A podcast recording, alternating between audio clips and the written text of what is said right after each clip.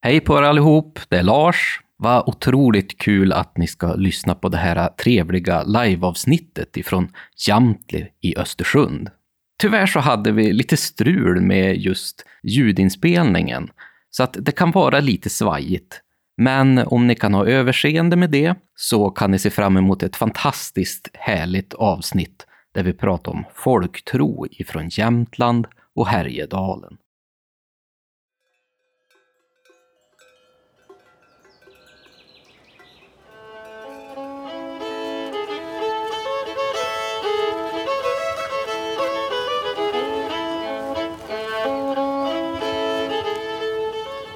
Det var en midsommarafton som far min skulle hit bort till Bleka efter en get som han hade köpt där.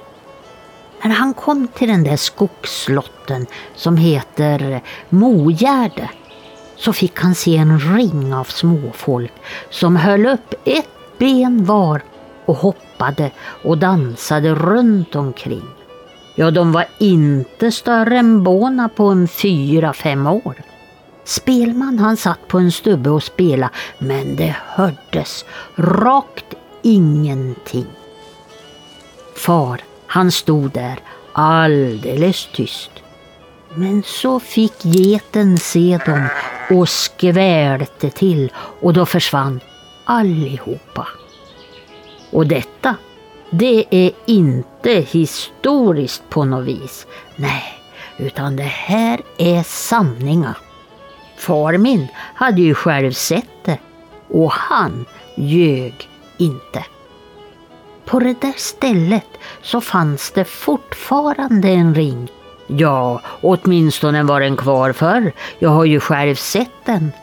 Det var som om gräset var som avnött, som av många fötter. Och runt omkring var det ju ändå kraft gräs. Och stubben som spelman satt på, den har ju varit kvar, så jag har ju sett den också.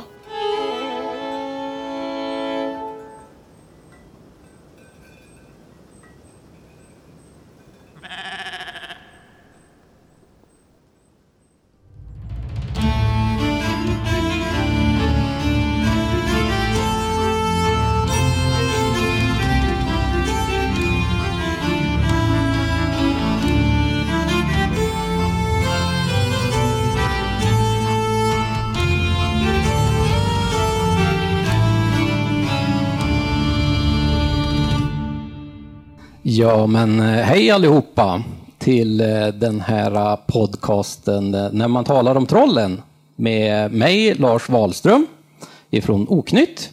Och som vanligt har jag ju med mig Tommy Kosela som är doktor i religionshistoria. Idag så är vi på Jamtli museum i Östersund.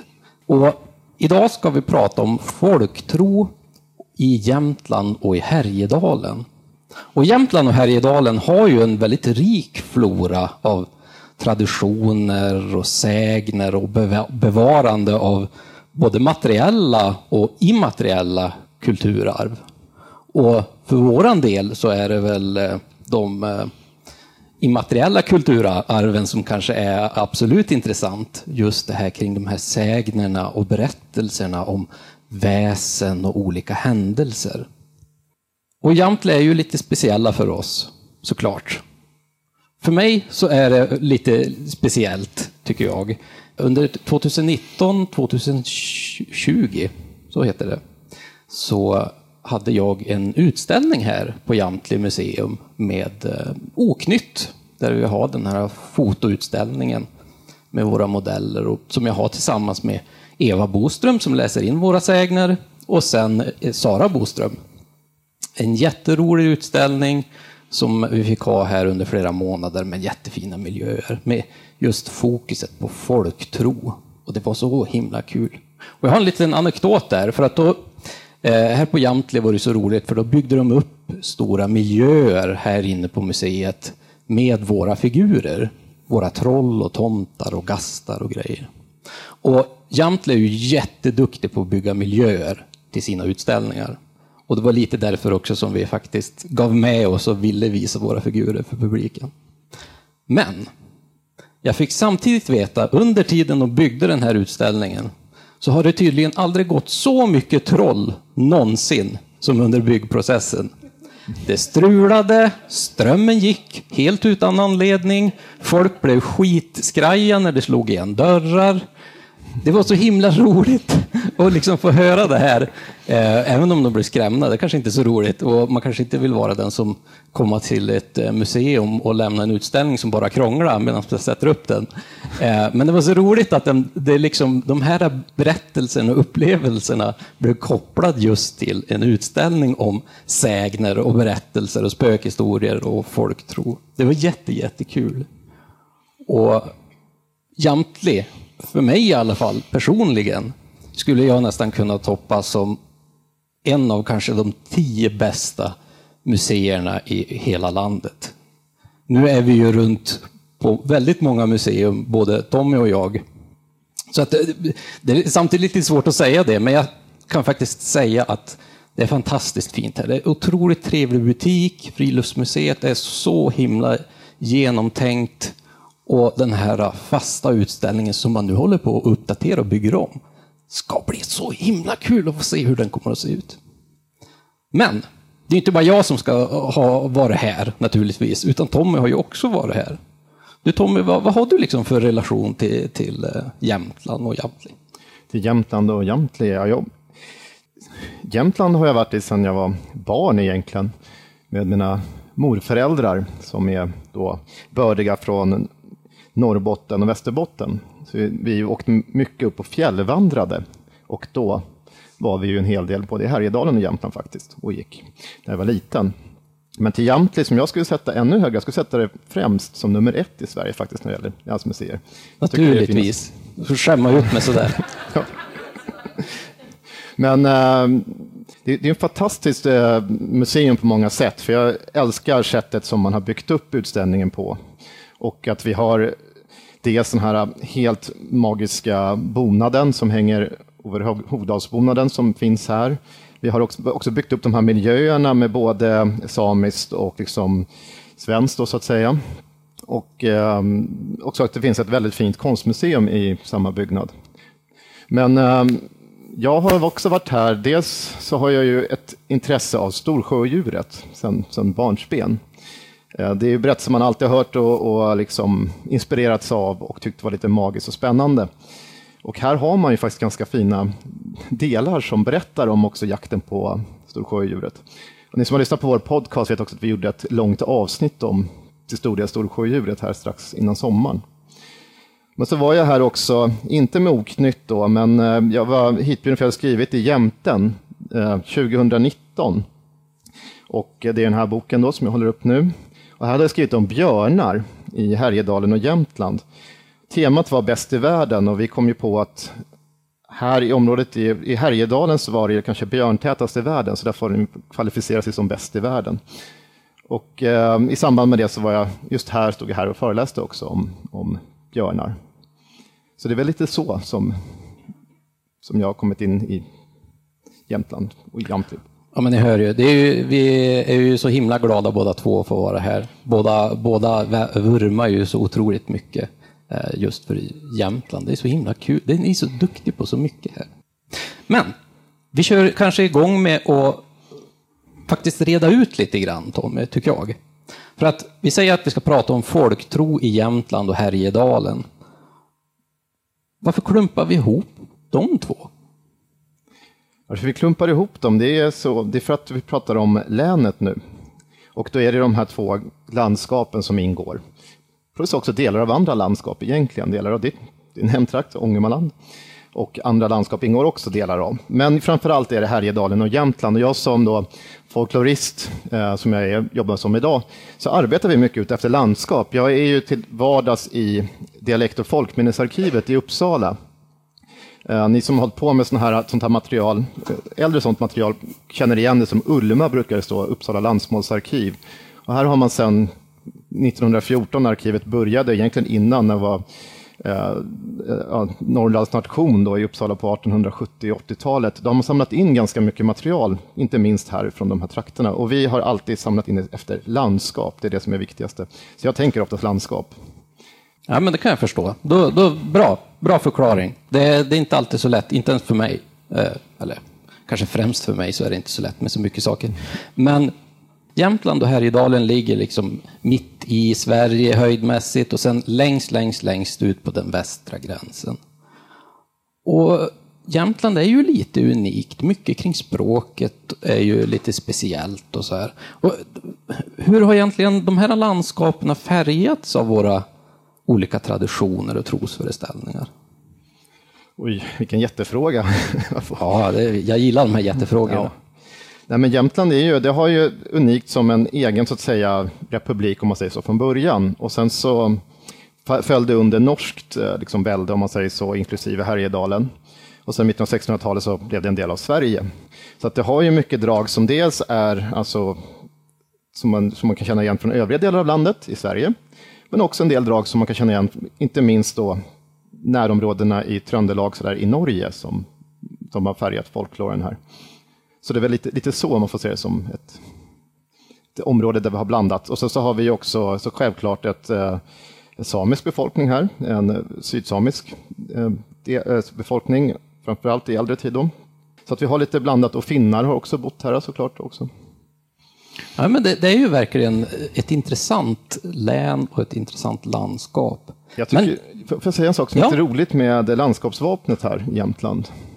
Det är ju en älg i mm. mitten. Mm och som angrips eller ansätts av en björn och en falk. Mm. Och där kan man säga björn, björnen då som Norge och falken som Sverige.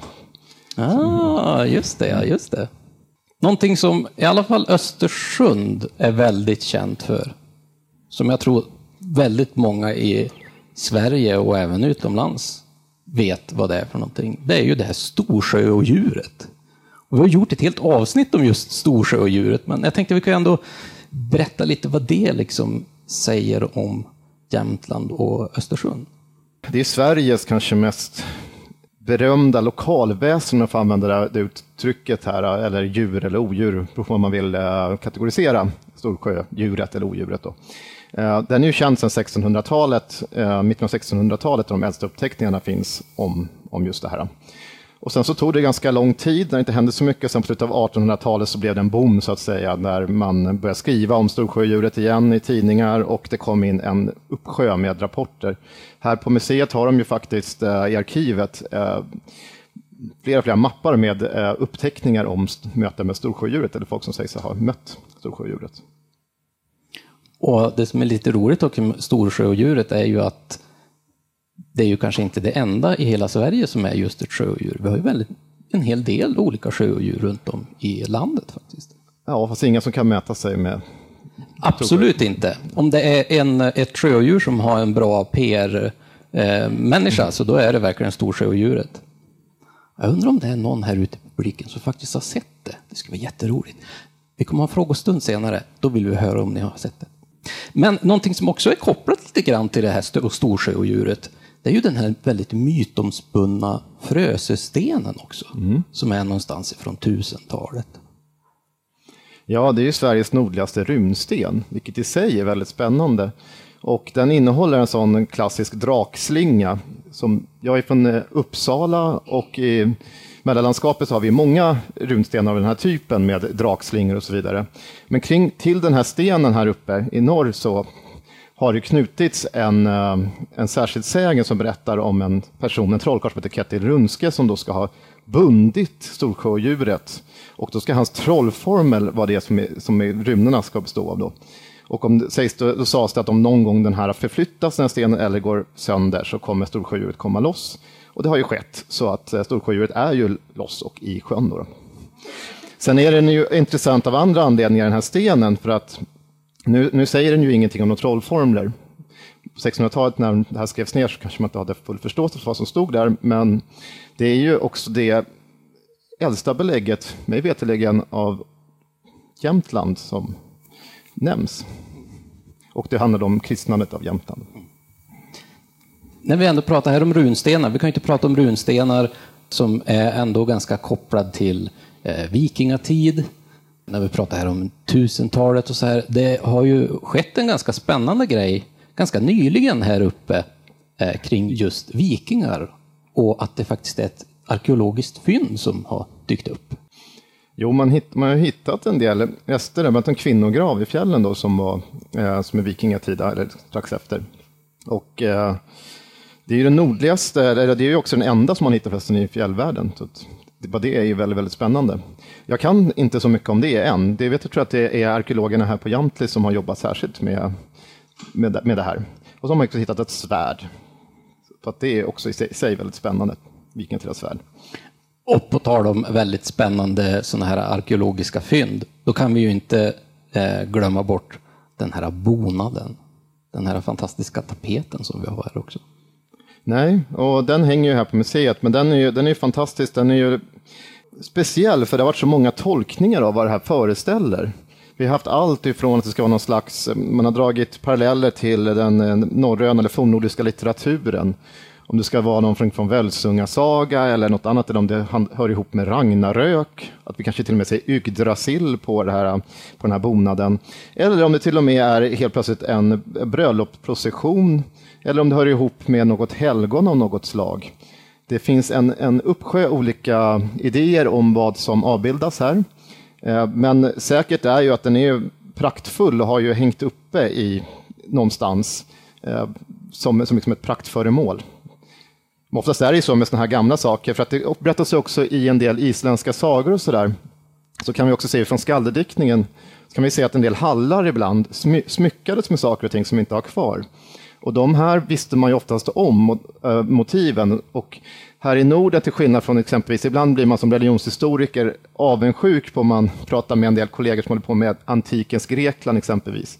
För om ni har en, en, en eh, vas eller någonting där, så är det en massa häftiga bilder från mytologin eller sagorna där. Då har man oftast namnen utskrivna på vilka det föreställer. Det har vi ju inte här i Norden. Det, det ni kan ha tur att hitta, det kan vara en liten staty så här som sitter i, i eh, korsade fötter med en, en stor penis. Så ja. gissar ni att det är Frej? Liksom. Ja, det. och sen... ja, just det. Ja. Vi gissar på att det är Frej, låter rimligt. Ja. Men, men sen finns det också på den här uh, bonaden här så har vi också, uh, apropå runor, så är det faktiskt runor på den. Och vi ska ju faktiskt säga det också för er som lyssnar, att det är ju Överhogdalsbonaden som vi pratar om här naturligtvis. Den här fantastiska tapeten, den här eh, vävda tapeten. Men vi måste ju ändå prata om just den här introtexten som vi hörde här i introt som Eva Boström har läst upp. Här pratar man om småfolket. Mm.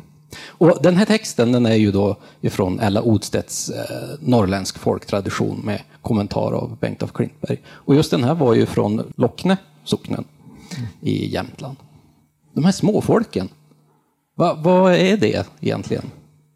Ja, jag tänkte faktiskt börja med Ella Odstedt hon som har samlat in det här materialet. Mm. Det är en sån fantastisk eh, insamlare av sägner och berättelser. Hon jobbade först på Nordiska museet i Stockholm, men en större del av sitt liv så var hon faktiskt där jag arbetade till vardags, i, i Landsmålsarkivet i Uppsala. Och har samlat in mängder av berättelser det finns till och med fotografier. Ett av mina favoritfotografier på henne har hon tagit själv med en självutlösare. Då är hon i Härjedalen. Och då ser man henne till häst ute i fält och sen så har hon skrivit i sina anteckningar så att hon hade en revolver med sig. Och anledningen till detta var för att det var farligt som ensam kvinna att rida runt i, i bygderna. Men det gjorde hon och samlade in mängder av, av sådana här berättelser och en del av dem, för, särskilt för Norrland, då, finns ju i den här boken som Bengt af Klintberg har gett ut. Vad vi hörde om här, det var ju som så här um, jordbyggare eller vittra, skulle man kalla i stora delar av Norrland kallar man ju för vittra då. Det som kallas för vättar i södra Sverige. Det är egentligen samma ord i grund och botten. som kommer av fornnordiskans vätter som har sedan eh, delats upp och blivit uttalats olika. Men eh, de här eh, har ju fest och Dessutom så berättas det om att de dansar och nöter ner marken på ett speciellt sätt. Och det här är något som i andra delar av landet brukar förknippas med älvor. Men älvor pratar man inte så mycket om här. Nej, precis. Det, det, jag tänkte på det också, att oftast att det blir en ring på marken, mm. oftast är gräset då som kanske växer väldigt mycket runt där, att det kan vara svampar, eller att det blir väldigt bränt nästan, mm. alltså det är väldigt torrt. Att det blir en sån. Men det är oftast älvor. Vad är, det man, är det inte typ älvringar eller något Jo. sånt där man kan? Och de är livsfarliga att gå in i, då kan man dras med i dansen och bli sjuk och sånt där. Men eh, de här jordbyggen, eller alltså de som bor underjordiska kanske vi ska säga då, är ju, beskrivs på olika sätt runt om i landet och de är ofta eh, beskrivna, de lever i kollektiv, alltså i familjegrupperingar eh, och de påminner om människor på många sätt och vis. De är oftast osynliga för oss, vi kan inte se dem, eh, förutom när de vill visa sig, eller om någon har en särskild förmåga så att de är synska eller kan se så, saker som man inte vanligtvis kan se. Ibland så kontaktar de människorna och vill få hjälp med någonting. Eh, ibland kan det vara så att de inte vill få hjälp med någonting, men de tycker att människan stör dem. Alltså att vi har gjort någonting som att vi har byggt eh, laggården över deras bostäder eller att vi faktiskt eh, rider fram eller går fram över deras vägar och stör dem. Och då kan de sätta sjukdom på människor och straffa oss ganska rejält, sägs berättas det. Och sen är det den här klassiska saken som att man, om man kokar vatten eller har varmt vatten så ska man gärna ropa när man kastar ut det. Det här har säkert många här hört talas om. För gör man inte det finns det ju risken att en sån här eh, underjordisk får det här över sig och uh, skollas. Och då blir de ju såklart inte glada. Eh, då kommer de hämnas. Så att det är bättre att ropa innan man kastar ut, för då kan de flytta på sig. Ja, det, det, det är väldigt bra att komma ihåg, för annars kan man åka riktigt illa ut. Och det där är ju också en berättelse som man ofta hör är förknippad också med fäbodar och de som jobbar på fäbodvallarna när de slänger ut vattnet. På bra många ställen här runt om så är det ju en ganska stark fäbodkultur. Men då är det ju oftast vittra. Men det låter ju som att det är nästan samma typer av väsen här. Vad, vad är det för skillnad här liksom med vittra och småfolk? Det är lite grann upp till berättare till berättare skulle jag vilja säga. Vittra är ju ett sånt där samlingsord för eh, underjordiska eller övernaturliga väsen överlag som större delen av Norrland eh, berättas om. De kan ibland uppträda allt ifrån ganska små till människostorlek och eh, när de visar sig vid fäbodarna och sånt där kan de ju ibland också uppträda ensamt, som om det är ett, en vitterkvinna exempelvis som kommer. Då, men då har en drag som på andra håll i landet påminner om skogsrået. Ja, men så kan de, kan de komma också med en buföring, att komma med sin, sitt boskap gående, som man också kan se dem ibland. Och då kan de också vara i grupp. Man kan ibland lyckas stjäla till sig en av deras kor eller getter om man så vill. Det är ju ett sätt att göra det, är ju att kasta någonting av stål över eh, själva kreaturet. Och då får man makt över den. Och fördelen med det eh, är ju att det här eh, djuret då kommer ge mycket mera mjölk, eller om det är en oxe så kommer den dra mer än andra djur och så vidare. Så att de är, de är oftast bättre. Faran är ju att eh, man stjäl ju så att säga av de här och de kan ibland bli ganska förbannade över det. Så ibland kräver de att de ska få, få en del av eh, så att säga, avkomlingen av det här djuret. Får de inte det så kommer de straffa personen. Jag undrar om det där är någonting som man lär ut än idag på olika naturbruksgymnasium, att man kan komma åt sig lite kreatur om man slänger saxar och grejer över dem. Vi får hoppas det. Ja, jag hoppas att de inför en sån liksom, eh, studielektion. Det vore jättekul. Vi nämnde här inledande att just Härjedalen och Jämtland ligger ju liksom precis på gränsen till Norge.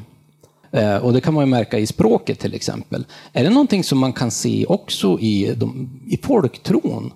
Alltså mycket sådana här lokalsägner, om man säger så, som finns här omkring eh, och i Härjedalen. Då, är personer som på något sätt kanske kända sig från den isländska sagalitteraturen. Och det här är saker som utspelar sig i Norge då, till stor del. Och det är personer som kan ha kommit då över gränsen.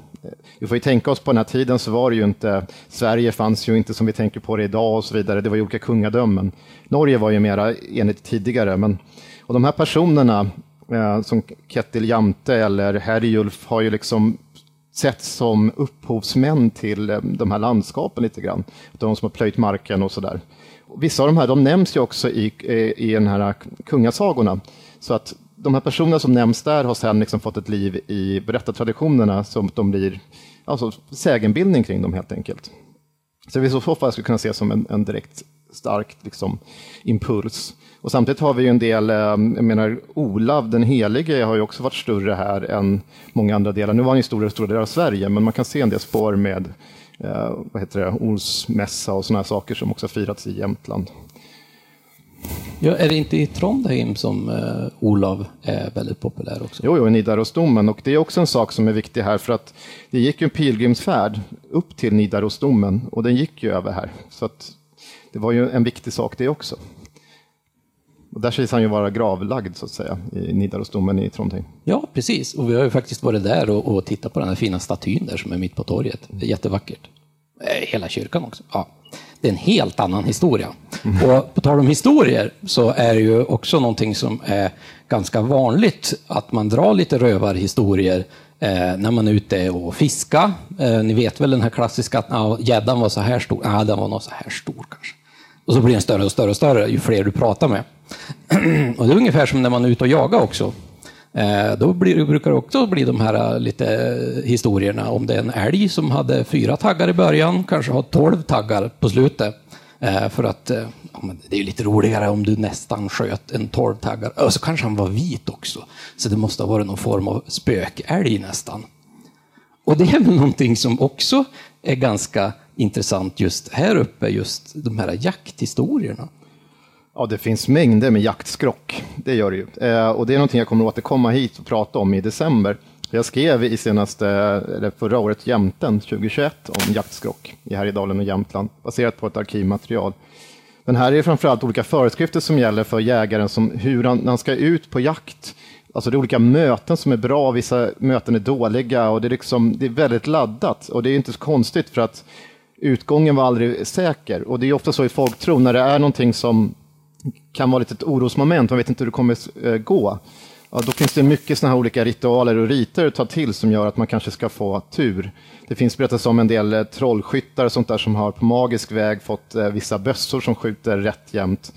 Det kan vara så att man kan stoppa ner en orm i liksom själva mynningen på geväret och så där, som att det ska kunna lära en att skjuta. Man ska skjuta på oblat ibland för att då ska man också få. Det här är ju, kyrkan tyckte inte om det här kan ni förstå, men, men att man då blev en bra trollskytt så att säga. Och ibland kan ju det här användas om andra jägare som förklarar varför de är så duktiga, varför, varför det går så dåligt för en själv. Så det kunde också användas på det sättet. Men det finns mängder och för jägaren fanns det också naturligtvis en, eh, en risk att råka ut för någonting som här omkring kallas för skogskärringen. Skogskärringen? Ja, det är det som skogs... Det är inte jätte-PK det där. Nej, men skogskärringen är som man säger häromkring, om det som kallas för skogsrå är annars då. Ah, så det är den benämningen man finner i arkivmaterialet häromkring. Mm. Ja, och då är det klart, när vi pratar om skogsrået, och i det här fallet skogskärringen, så kan hon ju vara väldigt farligt. Hon kan ju verkligen göra henne riktigt illa om du är ute med vapen och ska jaga hennes djur till exempel. Ja, hon kan ju säga om man, om man är hennes tillmötesgående så kan hon ju säga att då kanske man får hennes storoxe kanske hon säger och då är det björnen som hon kan då visa jägarna vart björnen finns någonstans eller vart den, så att, eller älgen, så att hon ser till att man får, hon har ju makt över eller skogarnas eh, djur. djur. Mm. Mm. Så att, och då kan hon se till att de kommer till jägaren om hon så vill. Hon kan också ta dem ifrån jägaren om man inte är tillmötesgående. Du nämnde här björnen. Vi har gjort ett avsnitt om björnen och där var det ju en hel del berättelser just ifrån Jämtland. Ja, och det har jag också samlat i Jämten 2019, flera av dem. Men jag tänkte, för att inte prata för mycket om skogens ludne drott, som mitt kapitel kallades för här, så ska jag läsa upp en berättelse. Mm om något som kallas för en hamnbjörn. Alltså det är människor som kan förvandla sig till en björn. Och man, man skilde oftast på, alltså det fanns en form av björn som var farligare än andra, som kallas för slagbjörn vanligtvis, var de som kunde äta åt kött och kunde ge sig på människor i värsta fall, eller kreaturen. Men handbjörn är alltså en människa som förvandlas till en björn. Och det finns berättat här av en Olof Svärd som född 1918 i Järpen här i Jämtland. Och han skriver så här. Två bönder från Nyland respektive Holland i Undersåker begav sig en dag till trakterna kring Hotön för att snara skogsfågel. De kände till att på trakten fanns en hamnbjänn, som man sa där. De tog därför även med sig skjutvapen. De två bönderna blev borta ovanligt länge, varför man sände folk från bygden för att efterforska dem. Det lästes även förböner i kyrkan. Så småningom kom man i kontakt med björnen. Man brände av skott på skott mot den rasande björnen, men ingenting syntes bita på honom. Då tog en av de medföljande lapparna, eller samerna, då, lös en silverknapp ur sin kolt, laddade och sköt. Då stupade björnen. När man sedan flodde björnen fick man bevisat att det var en handbjörn. Innanför huden fanns nämligen en pälsrem med vidhängande knivslida bunden runt buken. Man satte upp ett märke på slaktplatsen som sedan fått heta Bjärnbacken. Björnhuden skänktes till Undersåkers gamla kyrka där den låg på golvet framför altaret till dess kyrkan blev riven. Och det här tycker jag är väldigt spännande, för här har vi alltså en eh, björnhud eller en björnfäll som, som skänks till en kyrka. Och det har skett, det har skett på andra orter här, bland annat i Ström, Hammerdal och Mörsil finns det också beskrivningar av detta. Och i Norge finns det liknande berättelser om björnskinn i kyrkor. Ja, det, är, det är en som håller på att forska om det nu, som jag nyligen samtalade med, som har åkt, åkt över till Norge och liksom letar upp de här platserna. Det låter ju väldigt intressant, för jag menar, det, det här handlar ju ändå om eh, en, en övernaturlig varelse som eh, i alla fall under den tiden kanske eh, kyrkan inte var så där jätteglad i, men att den ändå då blir skänkt till själva kyrkan. Mm. Men det är ju några grejer där som vi tycker, ja, vi har ju hört bland annat att silver till exempel ska vara väldigt effektivt mot övernaturliga väsen. Ädelmetaller, det är perfekt. Så att jag förstår att han eh, liksom stoppade in i bössan och sköt den här björnen med den här silverknappen. Mm. Men när de flådde han så hittade de ju det här eh, nästan bältet. Mm. Och det kan man ju få till på ett riktigt speciellt sätt. Det kan du väl berätta om? Ja, eh, det finns massa olika metoder. Det finns hon som jag nämnde tidigare, hon Ella Odstedt som red runt i bland annat Härjedalen och samlade in berättelser. Hon skrev ju sin stora, sitt stora arbete hette Varulven i svensk folktradition. Fantastisk bok, kom ut 1943. Eh, byggde på den tidens då upptäckningsmaterial om varulvar. Hon skilde på varulvarna så att eh, det man förvandlas till är ett rovdjur och i norra delen av Sverige då var björnen den största plågan, så då förvandlades oftast dess bara varulvar till en björn. Medan i mellersta Sverige, och delvis här också, då, går, det glider ju in, så blir det då till eh, varg, som egentligen ordet betyder. Det betyder ju manvarg. Och i södra delen av Sverige, där man inte har varken så mycket björn eller varg, så eh, det till hund istället. Och, för, och I norra Sverige då, så var jag sett, framför, bland annat här, då, att man tillverkade något som kallas för ett varulvsbälte.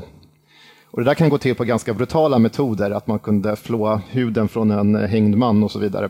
Tillverka det där. Och det blir som en slags bälte man kan spänna på sig eller krypa igenom om man spänner upp. Och då kan man, när man kryper igenom det så förvandlas man, ibland är det tre gånger så att delar av björnen framträder varje gång. Till slut blir man full björn så att säga.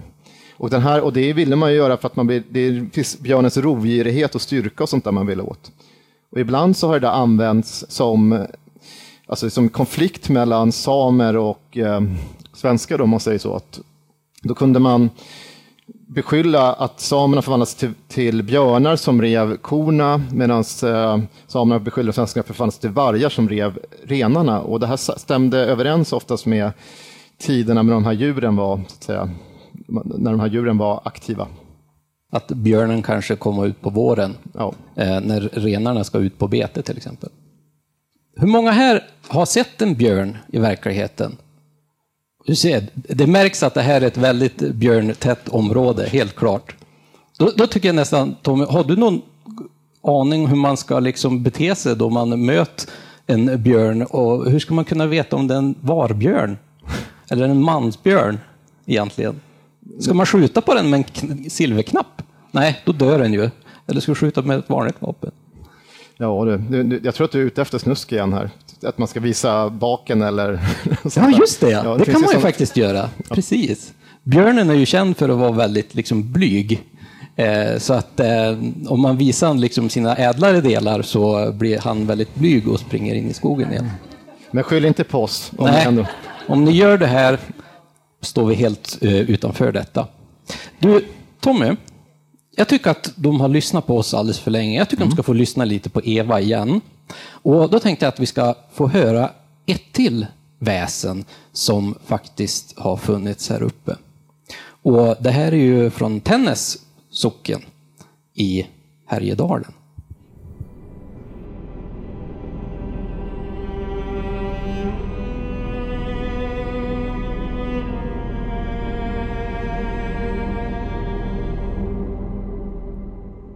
Utböla, ja det blev de då efterbörden blev utkastad och inte blev uppbränd.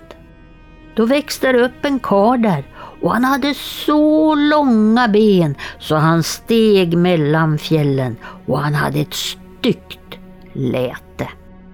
Han sökte mor sin och fann han henne då sög han ihjäl hon.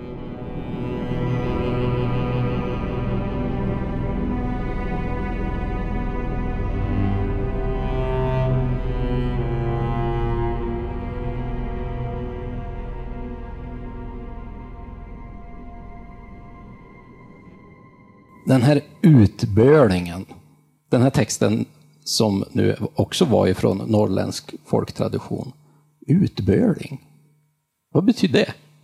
Det är ett av många ord som finns för det som är kanske idag mest känt vi som myling på andra delar av landet. Ja. Det är, jag kan säga att Astrid Lindgren har gjort de här myling känd som begrepp i alla fall. Mm. Men det är alltså ett barn som modern har gjort sig av med eh, tidigt då och eh, lagt på fjällen eller under stugan eller något annat eller i närheten och eh, så en slags abort, abort, då kan man säga. Eh, Och det här finns ju en, en ganska tragisk verklighetsbakgrund bakom, för det var dessvärre inte ovanligt att det skedde av många olika anledningar, av, av liksom skamkänslor och också av att man inte fick få barn hur som helst med eh, utanför äktenskapet och så. Men det här, då kunde det här barnet då, eh, då kunde man sägnerna berätta om att det här blev till ett slags barnspöke som ville visa på att en orätt hade begåtts och sökte upp modern. Och antingen ville den hämnas eller så ville den visa vart den faktiskt låg någonstans. Och då skulle man helst begrava den på vigd jord, eller i vigd jord. Då. Så att den får ju inte heller begravas i en kyrka, på, kyrk, eh, på kyrkans, kyrkogården om man säger så. Den låter ju inget trevlig, alltså. den växte så långt så att den kan liksom kliva över fjällen nästan. Sen avslutas den lite konstigt här, att den sög ihjäl mamman. Vadå sög ihjäl? Ja, men den, det är bröstmjölken den ska åt. Den ammar, Ja, ja, den ja. vill amma alltså. Just det. det, det är ett motiv som finns från andra håll också. Så att ibland sägs att den ammar tills det kommer blod eller någonting liknande. Så det är ett skrämselmotiv kan man säga i de här berättelserna. Och det här var faktiskt någonting som en del präster använde sig av också i sin predikoexempel. För att få folk att faktiskt inte sätta ut barn på det här sättet. Så att den här sägnerna var alltså en, en, ytterligare en, en, liksom en drivkraft för att skrämma folket till att inte göra så här. För det tyckte man ju absolut inte om. Och det här är också ytterligare en anledning som jag tänker mig i alla fall, och eh, en som heter Juha Pentikainen som har skrivit om eh, Nordic Dead Child Tradition också tänkte sig att det kan förmodligen inte vara förkristet. För hur brutalt den låter så var det faktiskt okej att sätta ut barn i förkristen tid. Det här är, alltså, det är något som finns över hela Norden, berättelser om det här. Och de har olika benämningar, jag tror ett 40-tal, bara som, eller kanske till och med 50-tal som är kända för den här typen av föreställning. Och det finns till och med domstolsprotokoll med personer som är anklagade för att ha gjort en del hemskheter med sina barn när de satt ut dem. Förutom just de här väsena som vi har pratat om, de här småfolken och vittran och de här utbölingarna, hemska små spökbarnen, så har ju den här regionen ganska intressant också för att de har lite spännande personer också som är kopplade till olika sägner. Det är ju lite skojigt. Det finns, det finns en hel del olika, som jag sa, många kopplade till kanske sagalitteraturen. Jag ska läsa om en herr Anund som var vis från Härjedalen. Jag läser nu ifrån, eh, ska kolla vad jag har med mig för bok. Härjedalens ortnamn och bygdesägner av Erik Modin. Ytterligare en person för att, som samlade in material till Uppsalaarkivet. Men det här berättas det så här. Herr Anund var vis, det vill säga han såg det osynliga och kunde förutsäga kommande ting eller förespå. Vis hade han blivit på följande sätt. Under sina odlingar hittade han en gång en vitorm. Om en sådan kokades i en lykt gryta bildade sig tre fettstjärnor på spadet. Detta skola förtäras av de, dem, eller av den som ville vinna den hemliga visdomen. I det syftet tillvaratog också herr Anund eh, den skatt han lyckades finna och som det är endast få dödliga förunnat att råka på. Men just då han företagit sig den viktiga kokningen nödgades han resa bort och pigan sattes till att koka ormen med tillsägelse att noga bevaka den tillslutna grytan. Nyfikenheten fick dock makt med henne så att hon öppnade locket och då hon vart varse de tre stjärnorna kom hon att tänka på att hon mistat boskapen och att hon nog skulle få kunskap av, av vad den var om hon tog en av fettstjärnorna. Det gjorde hon och så fick herr Anund endast två och blev ej fullt vis, som det sägs här. Hade han fått alla tre skulle han hava kunnat veta allting, tiden för yttersta domen med mera. Så det här är väldigt spännande. Det är ju en klassisk berättelse om vitormar som jag tycker är fruktansvärt spännande, för det finns ju så mycket berättat om vitormar från runt om i landet. Det beskrivs här också att eh, det finns en sorgmyggeart som här omkring i Jämtland ska tydligen kallas för skrifi som då är eh, tätt sammangyttrade med varandra som ett, går fram i ett ormliknande tåg i skogen. Och en del har tänkt sig att det här kan ha gett upphov till föreställningarna här, för de kan se ut som en vit orm. Mycket i den där berättelsen som är intressant, som vi kan inte prata om allting just nu, men, men eh, just det här med tanken på att man ska få eh, trolldom eller kunskap, eh, dold kunskap är ju väldigt kul. Sen tycker jag han, att han inte blev, vad sa du, inte riktigt vis. Nej, precis. Att han, och det, det, det kan jag ha som titel i den här podden tror jag. Ja, men det finns också en del beskrivningar under den samma Anund, att han faktiskt ser en hel del saker som kommer mm. ske. Att han, kan, han är förutseende, eller han, han kan liksom se in i framtiden på vissa saker. Mm. För övrigt är ju det här motivet känt långt tillbaka i tid. I Norden så är det ju känt tillbaka till han Sigurd Fafnersbane som gör samma sak med draken Fafner när han har dödat den så ska han steka hjärtat och eh, ge till en dvärg egentligen. Men han, någonstans ska han känna efter om den är färdigstekt, så han tar med tummen på den och bränner den och, sug, och suger på tummen. Där finns också avbildat på eh, en del runstenar och annat, hällar. Och då hör, när han har gjort det så kan han höra fåglarna prata, han förstår vad de säger och så vidare. Och då vet han att han kommer bli förrådd. Men det är samma motiv av att koka där draken, i det här fallet är det en vitorm då, i folktron, så får man den här hemliga, esoteriska, magiska kunskapen. Det är väldigt häftigt att få höra en så otroligt gammal berättelse fortfarande liksom leva kvar ända in hit idag. Det är jättehäftigt. Har vi några fler sådana här spännande eh, personer eller kloka som vi skulle kunna ta upp? Det har vi nog. Det finns, det finns massa olika. Jag har istället en annan berättelse som kanske inte handlar om kloka, men det är tillbaka till hur en del personer strider med björnar mot varandra. Ja, för det är ju lite speciellt, för att eh, om jag förstod så kunde i alla fall två kloka människor eh, bli lite sura på varandra ibland. Ja, men här är det ännu värre så att säga. Eh, här är det finnar som är sura på varandra. Oj då. Och då, då, går det, då blir det våldsamt. Eh, och det berättas då från Härjedalen också återigen då. Av urminnes tid har finnarna förmenats besitta trolldomskunnighet. Nå någon gång gåvo väl också det hitflyttade sig sken av att äga sådan för att skaffa sig tillbörlig respekt hos sina nya grannar. Då berättar han här, Erik Modin, en gång då jag var liten kom en stor björn och slog två grisar i svinhagen alldeles in på husen. Men far, han visste råd han. Han bet ett stort stycke fläsk ur ryggen på den slagna galten och gick därpå bort till skogen och sökte upp en rönn som var vriden åt norr. På den spjälkade han upp en bit och satte fläskstycket i klipan. Och så slog han med yxhammaren tre gånger mot rönnen och sade Gå nu till Tandsjöfinnen och gör likens Tre dagar efter, efteråt rev björnen som slagit svinen två svarta hästar för Tandsjöfinnen. Tandsjöfinnen hade, så trodde han, stämt björnen på honom och därför stämde han björnen tillbaka att göra honom skada igen. Så det här är en berättelse som Erik Bodin har upptecknat då, men det, det är också det här är klassiskt också att om man två så att säga nojder eller som, som strider mot varandra kan, kan skicka, stämma björnen på varandra. Precis, och det här stämma, man kan ju också till exempel stämma blod och jag antar att det har lite grann med att man kan eh, kontrollera det då. Ja. Att man kan, och, stämma blod, det är ju att om man börjar blöda så kan man antingen läsa en ramsa eller att man mumlar någonting och då stannar blodflödet så att du inte står och blöder ut på golvet. Liksom. Och det är väl en liknande funktion att här bestämmer du att björnen, du får den att göra saker som du vill. Sen finns det ju naturligtvis berättelser om jättar och så vidare omkring som har Sen lång tid tillbaka så har, finns det folk som, de tidigaste bebyggarna var liksom av jättesläkt nästan, så de var jättestarka. Och det finns också vissa klippblock och sådär som har legat på olika platser i landskapet. Det här känner vi också igen från runt om i landet. Och det här är jättar som man oftast är sura på kyrkorna när de byggs, som, som kastar de här blocken mot dem och sen så kan de långt senare finnas kvar så kan man säga, så byggs en sägen kring det där och sägs att det här är den Eh, jättekvinnan eller jättegubben som har kastat av ilska mot kyrkan, men de missar ju i regel. Ja, det är alltid kyrkan.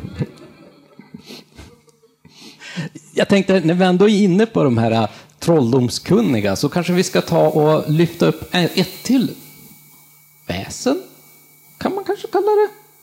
Jag tycker vi i alla fall ska börja med att lyssna på en till berättelse här av Eva och så ska vi ta en liten kommentar på det tycker jag. Och den här är då ifrån Bergs socken här i Jämtland också.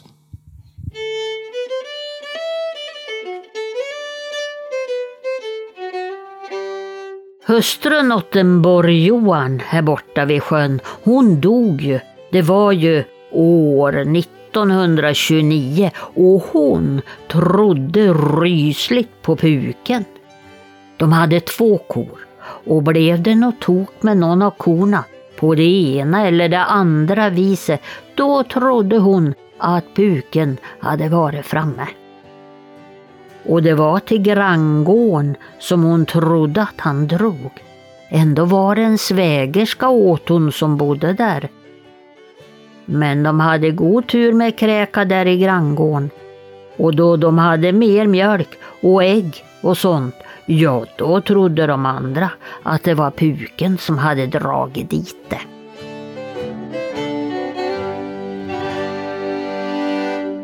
Ja, den här var ju också ifrån eh, Ella Odstedts norrländsk folktradition.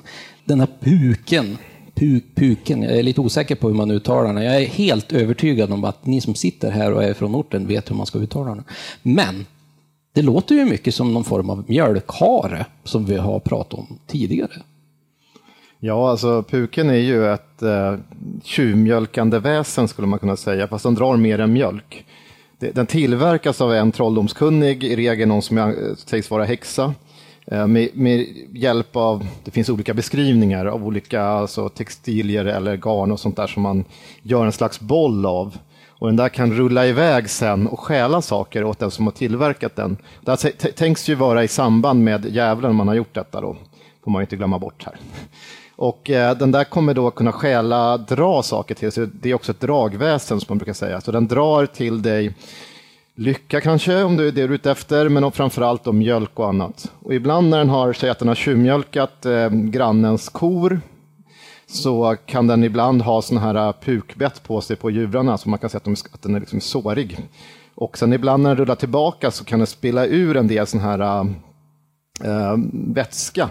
Och då tänker man sig att det finns en speciell svamp som kallas för puksmör eller annat. Då. Och den kan man se växa kring gårdarna och sådär. Eh, man åt ju inte svamp och så förr, utan man tyckte att det, där så, det, ser, det ser lite grann ut som spyor om man ska välja de här svampen. Nu kommer jag inte ihåg det latinska namnet för den här. Men den har samma funktion i, runt om i landet i samma typ av svamp som ser ganska slemmig och äcklig ut. Och det tänkte man att det är det som den har spilt ur sig när den kommer tillbaka. Och så ibland när den är hos den här då, så kallade häxan så, så liksom spyr den ur det här i, i kär till henne så har hon det. Så det är vad puken, det är det namnet man har här omkring på det, den här typen av väsen. Du sa mjölkhare, det är också någonting som man kan använda mer söderut då. Eller bjära, bera och, och så vidare. Det finns många olika benämningar. Trollhare och så vidare. Mjölkkatt, smörkatt. Jag tyckte den är lite rolig ändå, för att eh, ofta när vi pratar om väsen så är det ju liksom varelser som antingen som ser ut lite som eh, människor, fast de kanske är små, eller att de är groteskt stora, eller att det är eh, ett djur som en bäckahäst eller vad som helst. Alltså det är, en, det är en form av varelse. Men den här puken är ju liksom bara ett nystan. Det, det är ingen riktigt levande väsen på det Nej, så, så särskiljer sig mycket här, för att i andra delar så är det ju mer av en slags djurform. Att det kan vara som en hare eller just en katt eller någon slags obeskrivbart. Det finns ju en hel del sånt här bevarat i trolldomsprocesserna. Det är så man vet mycket om de här också, att en del har då förklarat hur de har tillverkat sådana där, sägs det. Och det finns också avbildningar i, i kyrkor, i kyrkmålningar eh, på en del sådana här tjurmjölkande väsen. Men då har de oftast formen av ett mer eh, definierbart djur, men här är det oftast ett slags boll som rullar fram. Men den är levande kan man säga, så att den är som ett levande väsen i sig. Mm. Jag tänkte så här att vi skulle, vi har pratat om väldigt mycket historiska sägner nu. Jag tänkte att vi skulle kunna dra oss framåt lite mer i nutid på ett sätt. Och Någonting som eh, många här och säkert många över hela landet eh, vet om är att det finns ett ganska känt spökhus här uppe. Jag tänkte, Tommy, du kanske kan berätta lite grann om det här spökhuset i Borgvattnet? Ja, prästgården där. Jag har aldrig varit där, kan jag till och med börja med att säga. Vi måste göra ett besök någon gång då. Ja, och skrämma jag, jag bort känner spöket. många som har övernattat och så där, men det sägs, det sägs i alla fall vara Sveriges mest hemsökta hus. Och eh, övernattar man där så, så var det i alla fall med förra ägarna, jag tror att de bytte nyligen, men då fick man en, eh, ett diplom som sa att man har så att säga klarat att övernatta där.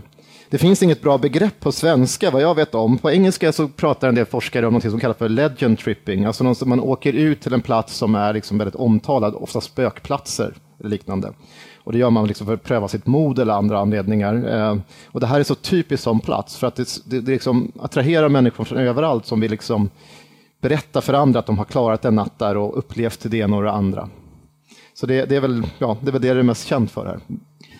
Vad sa du? Legend, Tripping. legend tripping. Både du och jag har ju åkt ner till Storsjön här enkomt för att vi skulle få se Storsjöodjuret också. Och Lars sa tidigare här att en del jägare brukar överdriva när de har sett saker och ting. Vi, vi hittade ju Storsjöodjuret, Ja. som var kanske en decimeter lång. Nej, Så, men för Lars berättade om den idag. den var minst två decit lång. Han, han höll upp fingrarna så det var ett halvmeter. Vi har bildbevis på det, Ja. så att jag är bombsäker på att det var så. Jag tror, att man kan säkert, man, jag tror vi har lagt upp på våra sociala medier Ja, faktiskt. vi, ja. Så att där kan ni bestämma om jag har rätt, vilket jag har. Ehm, en annan sak som jag har inte hört så mycket talas om, men jag tyckte det lät jätteroligt nu när vi gjorde research kring det här avsnittet. Och det är ju det här årets näck. Är det någon form av nudistverksamhet som pågår här uppe, eller? Det är passa, passande för dig att åka upp då. Ja, jag vet inte. Nej, men det är i Hackås Jämtland som det är det årligt, årets näck ska utkoras. Och då är det ju en slags tävling som jag, inte, jag är osäker på bakgrunden till den, om det är någon tidning som ligger bakom där eller inte, men det är i alla fall en, en tillställning där man kan se olika personer som ja, ska så att säga personifiera, eller se ut som Näcken. En slags Näck-cosplay kan man väl säga. Här bakom oss har vi en, en bild på just på Näcken som, som är från 1888 då, av Johan Thyrén, som är Jämtlandssägen. Så att det har ju uppenbarligen varit en lång tradition med Näcken här. Ja, jag tyckte det lät som en jätterolig tävling. Men då kommer ju liksom frågan, ja, vad spännande med en tävling om Näcken. Kan man ha en tävling om andra väsen också, där man cosplayar lite grann och klär ut sig? Spöksvin? Eh, huke? Ja, det kanske inte är så lätt. Troll? Är jag ju klädd till vardags. Mm. Eh, ja, ja, men eh, det vore ju jättekul att hitta någon liknande tävling faktiskt. Vad, skulle- vad skulle du säga? Vad skulle du tippa på att det skulle vara kul att ha som Det har utklädd? faktiskt gjorts. Det har varit cosplay med väsen på Nordiska museet för ett, några år sedan. Nej, vad kul. Så då hade de en, en, eh, en sådan tävling. Mer sånt. Vi måste absolut ha mer sånt. Hörrni ni, jag skulle vilja tacka er så hemskt mycket för att ni har varit med idag. Det här är så himla kul att vi får vara här, både jag och Tommy och vi lyckas riva med oss Eva också. Det var ju ännu roligare. Och tack till Jamtli för att vi fick komma hit. Det var jätteroligt. Och jag eh, kan ju kanske tipsa om ni vill lyssna på mer av oss så kan man söka på eh, när man talar om trollen. Google är ibland ganska bra att använda. Det finns andra sådana här konst... Jag säger som på radio, det finns andra eh, sökalternativ också. Eh, och sen kan man hitta oss på www.oknytt.com naturligtvis. Och sen tycker jag att ni ska följa eh, Tommy Kosela på Instagram, där han heter Suttungsbrew. Och vi heter Oknytt Sverige. Och sen har vi också den här härliga Facebookgruppen också, när man talar om trollen eftersnack. Vi är över 2000, jag tror snart 2 500 medlemmar. Det är jätteroligt, där vi lägger upp kring våra avsnitt och vi har lite skojigt kring avsnitten och vi pratar folktro och så här. Det är jätteroligt. Så tusen tack för oss. Så kommer jag göra ett litet outro, en liten musiksnutt. Sen kommer vi att öppna för frågor, tänkte jag. Det ska vara kul.